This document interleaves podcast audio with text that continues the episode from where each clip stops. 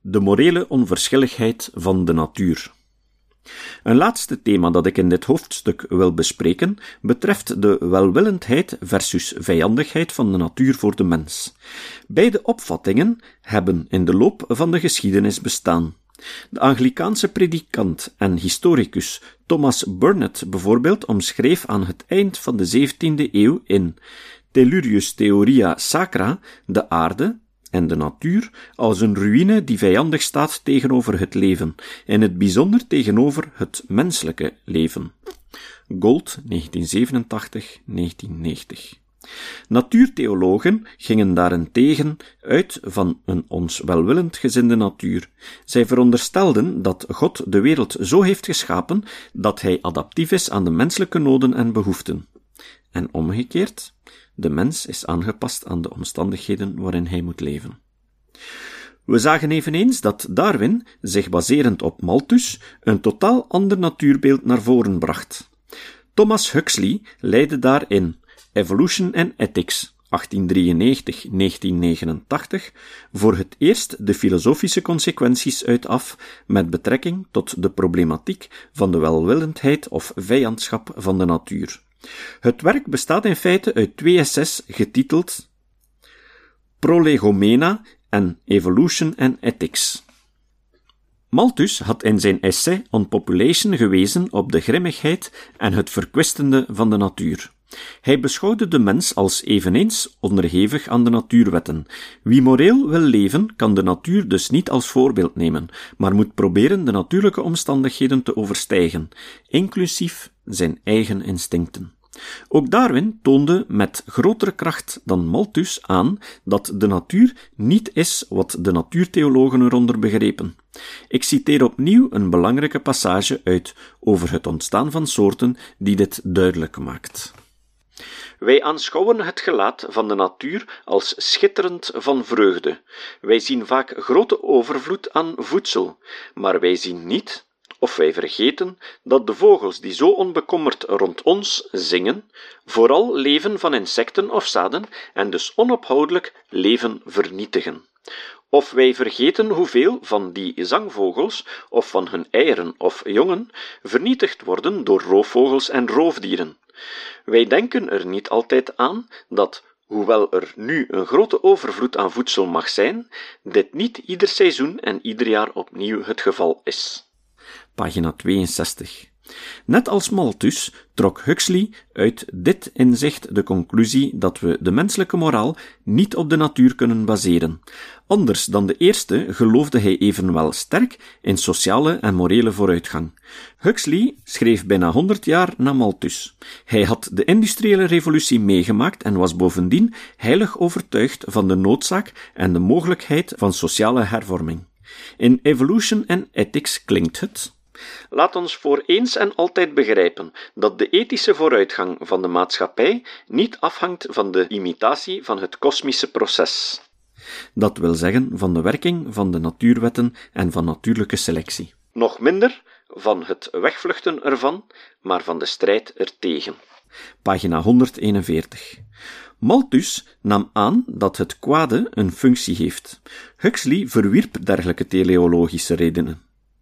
Het kwade is zinloos. Het is een, voor mensen volstrekt ongewenst bijproduct van de werking van natuurlijke selectie en het moet tot elke prijs bestreden worden.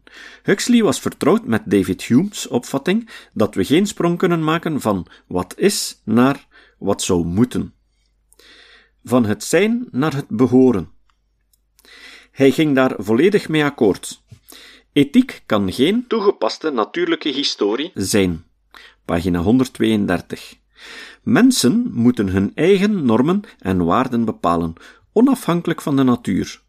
Als blijkt dat de natuur of het kosmisch proces indruist tegen onze moraal, dan moeten wij dat waar mogelijk bestrijden.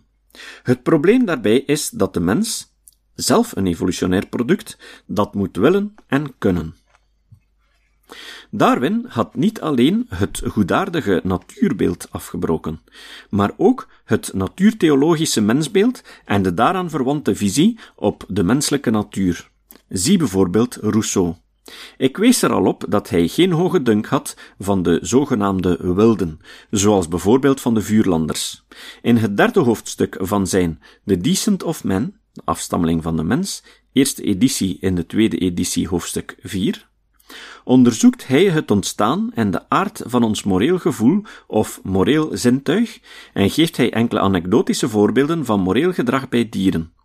In het besluit van de afstamming van de mens schrijft hij de vuurlanders die ik zag, beschikten nauwelijks over vaardigheden en leefden als wilde dieren van wat wij konden vangen. Zij hadden geen bestuur en waren genadeloos voor iedereen die niet tot hun eigen stam behoorde. Wie een wilde in zijn geboorteland heeft gezien, zal niet veel schaamte voelen wanneer hij moet toegeven dat het bloed van een of ander bescheidener schepsel door zijn aderen vloeit. Ik, voor mijn part, zou liever afstammen van de heldhaftige kleine aap die zijn gevreesde vijand trotseerde om het leven van zijn verzorger te redden, of van die oude baviaan die uit de bergen kwam en zijn jonge kameraad uit de menigte verbaasde honden in triomf wegvoerde dan van een wilde die behagen schept in het folteren van zijn vijanden, die bloedige offers brengt, die meedogenloos kindermoord bedrijft, die zijn vrouwen als slaven behandelt, die geen fatsoen kent en die wordt gekweld door de afschuwelijkste bijgelovigheden. Facsimile-uitgave, eerste editie, hoofdstuk 21, pagina's 404-405. Darwin laat er geen twijfel over bestaan dat de voorouders van mensen van beschaafde culturen zich in eenzelfde toestand bevonden als de vuurlanders. Dat blijkt tot op vandaag, ondanks de morele, sociale en andere vooruitgang van beschaafde culturen. Wij moeten erkennen dat de mens met al zijn nobele kwaliteiten, met sympathiegevoel voor de meest verlaagden, met welwillendheid die zich uitstrekt niet alleen tot de andere mensen, maar tot het bescheidenste levende schepsel met zijn goddelijke intellect, dat de bewegingen en de aard van het zonnestelsel heeft doordrongen dat de mens niet tegenstaande al deze verheven vermogens nog steeds in zijn lichamelijke opbouw de onuitwisbare stempel draagt van zijn eenvoudige afkomst. Ibid, hoofdstuk 21, pagina 405. Hoe kan de mens, het zij een vuurlander of een Engelsman, een vuurlander met een laagje cultuur en beschaving erop, een ethiek ontwikkelen die losstaat van de natuur, die de natuur overstijgt en haar wanneer nodig zelfs tegenwerkt. Darwin zag een reden tot hoop in het feit dat de mens onmiskenbaar over een morele zin of een geweten beschikt. Volgens hem het grootste verschil tussen de mens en andere dieren. Een moreel wezen is er één dat in staat is om zijn vroegere en toekomstige daden of beweegredenen te vergelijken en om deze goed te keuren of af te keuren. Ibid, hoofdstuk 3, pagina 88. Dat goed of afkeuren van daden gebeurt in functie van wat de groep of maatschappij waartoe men behoort hierover denkt. Mensen die, net als sommige andere soorten sociale instincten bezitten, zijn in staat plezier te ervaren in het samenleven met anderen, waardoor ze ook sympathie voor hun medemensen kunnen ontwikkelen. Dankzij hun taal en hun sterk ontwikkelde mentale vermogens kunnen ze zich baseren op de denkbeelden van de maatschappij als geheel en hun gedrag daarop afstemmen. Vuurlanders bijvoorbeeld houden alleen rekening met de beperkte groep, zoals de familie en andere stamleden. Men kan de groep evenwel uitbreiden. Men kan de hele maatschappij of zelfs de hele mensheid als referentiepunt nemen. Ondanks de eenvoudige afkomst van de mens is Darwin toch voorzichtig optimistisch over de morele progressie die onze soort kan doormaken. In het hoofdstuk van De afstamming van de mens, waarin het morele gevoel aan bod komt, schrijft hij Terwijl de mens vooruitgaat in beschaving en kleine stammen tot grotere gemeenschappen worden verenigd, geeft de simpelste redenering iedere individu de aanbeveling om zijn sociale instincten en sympathieën uit te breiden tot alle leden van dezelfde natie, hoewel ze hem als persoon onbekend zijn. Als dit punt eenmaal is bereikt, is er nog slechts een kunstmatige barrière die verhindert dat zijn sympathieën zich uitbreiden tot de mensen van alle naties en rassen. Het idee zelf van menselijkheid, de nobelste deugd waarmee de mens is begiftigd, lijkt terloops te ontstaan doordat onze sympathieën meer teder worden en wijdere verspreiding krijgen, totdat zij zich tot alle sensibele wezens, inclusief dieren, uitstrekken zodat deze deugd door enkele weinige mensen in ere worden gehouden en in de praktijk worden gebracht, verspreidt zij zich door les en voorbeeld voor de jongeren en uiteindelijk voor de publieke opinie. Ibid, hoofdstuk 111, pagina 100 en 101. Huxley neemt Darwins opvatting in essentie over. Alle mensen zijn volgens hem geboren met de kosmische natuur in zich. Dat wil zeggen met alles wat niet moreel is. Het zou naïef zijn te denken dat snel te kunnen veranderen. De natuur heeft zich in de loop van vele miljoenen jaren ontwikkeld tot iets wat volkomen onverschillig staat tegenover wat mensen als moreel beschouwen. Toch vertrouwt Huxley op het vermogen van de menselijke wil en de intelligentie om in te gaan tegen de morele onverschilligheid van de natuur, die we naar gelang onze eigen morele standaarden als amoreel dan wel als immoreel kunnen beschouwen. Wat niet wegneemt dat er in de natuur ook gedrag bestaat dat we als moreel kunnen beschouwen, bijvoorbeeld het feit dat dieren soms samenwerken en elkaar helpen. Darwin wees daar reeds op in The Decent of Man. Huxley ziet zulks echter meer als uitzondering dan als regel. De mens moet de natuurlijke omgeving veranderen om de kans op het ontstaan, de ontwikkeling en de toepassing van morele principes zo groot mogelijk te maken, meent Huxley. De morele opvattingen van mensen die in een vrijwel louter natuurlijk kader leven, zijn afwezig of sterk onderontwikkeld. Hoe kunstmatiger de omgeving, hoe groter de waarschijnlijkheid dat de bevolking ervan een hoogontwikkelde moraal heeft. De industriële revolutie en de andere ontwikkelingen van wetenschap en technologie beschouwde Huxley dan ook als uitermate belangrijk, aangezien de natuur, die ertoe neigt mensen immoreel te maken, ingrijpend werd getransformeerd, waardoor beschaving en moraal kunnen ontstaan.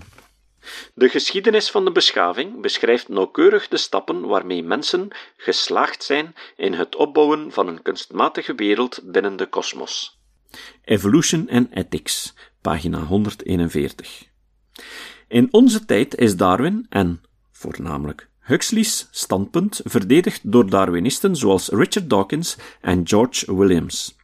Beiden beklemtonen de kracht van natuurlijke selectie en proberen de levende natuur in hoge mate vanuit functioneel adaptationistisch oogpunt te verklaren. Ze menen, net als Huxley, dat natuurlijke selectie op geen enkele wijze rekening houdt met menselijke waarden, verlangens en behoeften. Ze behoudt datgene dat bijdraagt tot de reproductieve en overlevingsfitness van het genetisch materiaal, zonder rekening te houden met het leed dat daar eventueel door veroorzaakt wordt. Om Darwins voorbeeld aan te halen, als het adaptief is voor een kat om een gevangen muis te doen lijden, dan zal de muis lijden. En als het adaptief is voor de Ichneumeidae, sluipwespen, om hun eitjes in levende rupsen te deponeren, dan zal dat gebeuren, tenzij muizen en rupsen erin slagen om verdedigingsmechanismen te ontwikkelen die dit verhinderen. In elk geval, natuurlijke selectie houdt geen rekening met het welzijn van de muis of van de rups, maar met de reproductie van het genetisch materiaal. Net zoals dit het geval is voor katten en sluipwespen, tracht ook het genetisch materiaal van muizen en rupsen zichzelf, uiteraard, onbewust, te reproduceren. Dat leidt tot een wapenwetloop tussen organismen en soorten, die in een moderne evolutiebiologie grondig onderzocht is, onder meer met behulp van speltheorie en andere wiskundige technieken. Ik kan dit onderwerp hier niet in detail behandelen, maar wil er toch twee bedenkingen aan vastknopen. Ten eerste maken biologische wapenwetlopen duidelijk dat de betrokkenen, organismen en soorten, op geen enkele wijze rekening houden met het welzijn van de tegenstander. Daarmee is niet gezegd dat er naar gestreefd wordt om de ander leed toe te brengen. Natuurlijke selectie die de wapenwetloop tot stand brengt, staat onverschillig tegenover zowel welzijn als leed. Ten tweede maakt de studie van biologische wapenwetlopen duidelijk dat evolutie nergens heen leidt.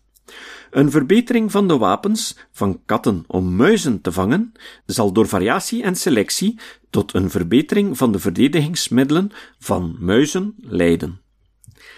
Katten worden in de loop van de evolutie steeds beter in het vangen van muizen, maar die worden ondertussen steeds behendiger in het ontsnappen van katten. Dit fenomeen wordt het rode koninginnen-effect genoemd, naar Lewis Carroll's verhaal Through the Looking Glass. Alice en de rode koningin beginnen hand in hand te lopen, al maar sneller en sneller, maar toch verandert het landschap niet. Als ze uiteindelijk stilhouden, zegt Alice: Ik geloof dat we ons de hele tijd onder deze boom bevonden hebben. Alles is precies zoals het was. Ze voegt daaraan toe dat in het land waar zij vandaan komt, je gewoonlijk ergens anders raakt, als je gedurende lange tijd zeer snel loopt zoals wij hebben gedaan. Hierop antwoordt de koningin: Wat een traag land. Hier, zie je, moet je zo hard lopen als je kunt om op dezelfde plaats te blijven. Als je ergens anders heen wil, moet je minstens dubbel zo hard lopen. Gardner, M. The Annotated Alice, Penguin Books, 1965, pagina's 208 tot 210. Het rode koninginnen-effect kan op verschillende terreinen optreden. De misdaad versus de misdaadbestrijding. De Russische versus de Amerikaanse atoombewapening. Pathogene micro-organismen versus de moderne geneeskunde, enzovoort. Een aantal decennia geleden dacht men met antibiotica de voornaamste bacteriële ziekten te zullen uitroeien, maar het rode koninginnen-effect blijkt dat te verhinderen. Zie ook Nesse en Williams, 1995. Dawkins leidt uit de werkwijze van natuurlijke selectie af dat de natuur volkomen onverschillig staat tegenover de menselijke moraal. Ook hij beschrijft de Ichneumonidae die hun eieren in levende rupsen deponeren, zodat de larven zich ermee kunnen voeden. De slachtoffers worden verlamd, maar niet gedood, zodat het vlees vers blijft. Hij geeft hierbij als commentaar: Het is niet bekend of die verlamming een algehele anesthesie tot gevolg heeft, of net als curare, alleen het vermogen tot bewegen van het slachtoffer uitschakelt. In het laatste geval zou de prooi zich ervan bewust zijn dat hij levend van binnenuit wordt opgevreten, zonder een spier te kunnen bewegen om daar iets tegen te kunnen doen. Dat klinkt buitengewoon vreed, maar de natuur is niet vreed, alleen meedogenloos onverschillig. Dat is een van de hardste lessen die de mens moet leren. Wij zijn onmachtig toe te geven dat iets nog goed, nog kwaad, nog vreed, nog vriendelijk is, maar eenvoudig gevoelloos, onverschillig ten opzichte van elk lijden en zonder enig doel. 1995, pagina 75. George Williams gaat nog een stap verder, zich baserend op Huxley's Evolution and Ethics. Hij beschouwt de natuur niet zozeer als onverschillig, maar veel eer als vijandig. In zijn tekst Mother Nature is a wicked old witch neemt hij zich voor om aan te tonen dat het universum vijandig staat tegenover het menselijke leven en menselijke waarden. En wil hij ingaan tegen de heersende romantiek en de biocentristische visie op het universum. 1993, pagina 217. Williams bedoelt uiteraard niet dat het universum bewust kwaadaardige bedoelingen koestert, wel dat de omstandigheden erin bijzonder ongunstig zijn voor het ontstaan en de ontwikkeling van leven. Dat sluit aan bij Ernst Mayers standpunt over het onwaarschijnlijke van buitenaards leven. Williams spreekt een aantal 20e eeuwse auteurs die niet natuurtheologisch argumenteren, maar die wel zoals de natuurtheologen, menen dat het universum zich bijzonder goed leent tot het ontstaan van leven, en bijvoorbeeld de opvatting zijn toegedaan dat water hiertoe een medium met ideale eigenschappen is. Williams betwist dat en concludeert dat de fysische omgeving op aarde in werkelijkheid diabolisch pervers is. Ibid, pagina 219. Vervolgens zet hij uiteen waarom het door James Lovelock ontwikkelde Gaia-concept volgens hem verkeerd is. Lovelock veronderstelde dat adaptatie symmetrisch is. Dat betekent dat organismen zich aan de omgeving aanpassen, maar dat de omgeving zich ook aanpast aan organismen. Hij meende dat de aardse biosfeer zich voortdurend reguleert, zodat de omstandigheden voor het verder bestaan en de verdere evolutie van het leven optimaal blijven. Williams toont aan dat de feiten anders zijn en dat het Gaia-concept groepsselectie impliceert. Zo veronderstellen de aanhangers ervan dat een bos tracht zichzelf als geheel in stand te houden. Dat zou betekenen dat natuurlijke selectie inwerkt op groepsniveau. In dit geval een verzameling van individuele bomen. In werkelijkheid probeert elke boom zoveel mogelijk voedsel en licht te verwerven, waardoor bomen in allerlei vormen groeien die, vanuit groepsselectionistisch standpunt, niet adaptief zijn. De vorm van een boom is weliswaar adaptief, maar alleen voor de boom zelf, niet voor het bos. De onderlinge concurrentie tussen bomen veroorzaakt onder meer de opeenstapeling van grote hoeveelheden brandbaar materiaal, waardoor het gevaar van bosbranden toeneemt. Duidelijk geen groepsadaptationistische eigenschap. Adaptatie is altijd asymmetrisch, besluit Williams. Organismen trachten zich aan te passen aan de omgeving, niet omgekeerd. Williams beschouwt natuurlijke selectie als een moreel onaanvaardbaar proces. Ibid, pagina 227. Iets waarvan ook Huxley overtuigd was. Indien Huxley nog leefde, zou hij zijn opvatting volkomen bevestigd zien in de tegenwoordige evolutionaire biologie, schrijft hij. Voor Williams is het immers zo klaar als een klontje dat natuurlijke selectie gezien kan worden als een proces dat kortzichtige zelfzuchtigheid maximaliseert.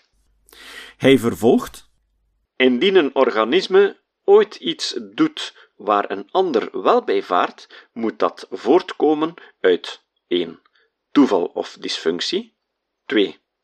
Verwantschapsselectie, waarbij het voordeel gaat naar een verwant die ten dele een genetisch surrogaat is van de verstrekker van het voordeel. 3. Uitbuitende manipulatie door de schenker van de ontvanger.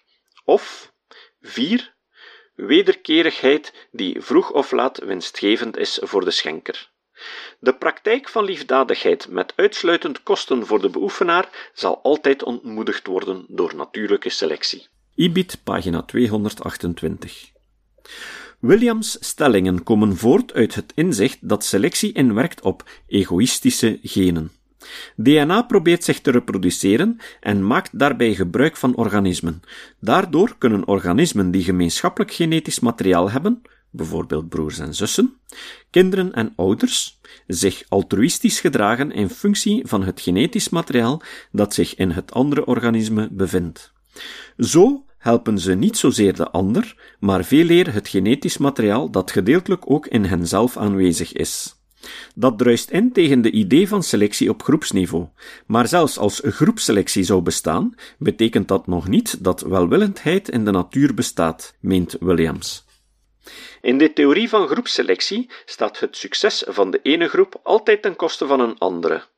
De morele superioriteit van groepselectie aan individuele selectie verdedigen is als argumenteren dat genocide superieur is aan willekeurige moorden. De meeste fenomenen in de biologische wereld zijn duidelijk zelfzuchtig en vaak zeer destructief. De activiteiten van organismen schenden de dictaten van ethische systemen en morele sensitiviteiten voortdurend. Wat natuurlijk is, verdient veel vaker veroordeling dan navolging. Ibid, pagina 228. Williams verzet zich tegen de wijdverspreide idee dat alleen de mens zijn soortgenoten vermoordt en doet lijden, dat alleen hij onzorgvuldig omspringt met grondstoffen enzovoort. Eigenlijk is het tegendeel waar. Onze eigen soort is in al deze opzichten buitengewoon goedaardig vergeleken met vele andere. Ibid, pagina 229. Niettemin zijn ook wij een product van het reproductieproces van egoïstische genen. Ethiek is dan ook een abnormaliteit die zoveel mogelijk bevorderd moet worden. Williams citeert tot slot met instemming Dawkins. Wij moeten rebelleren tegen de tirannie van zelfzuchtige genen. Pagina 229.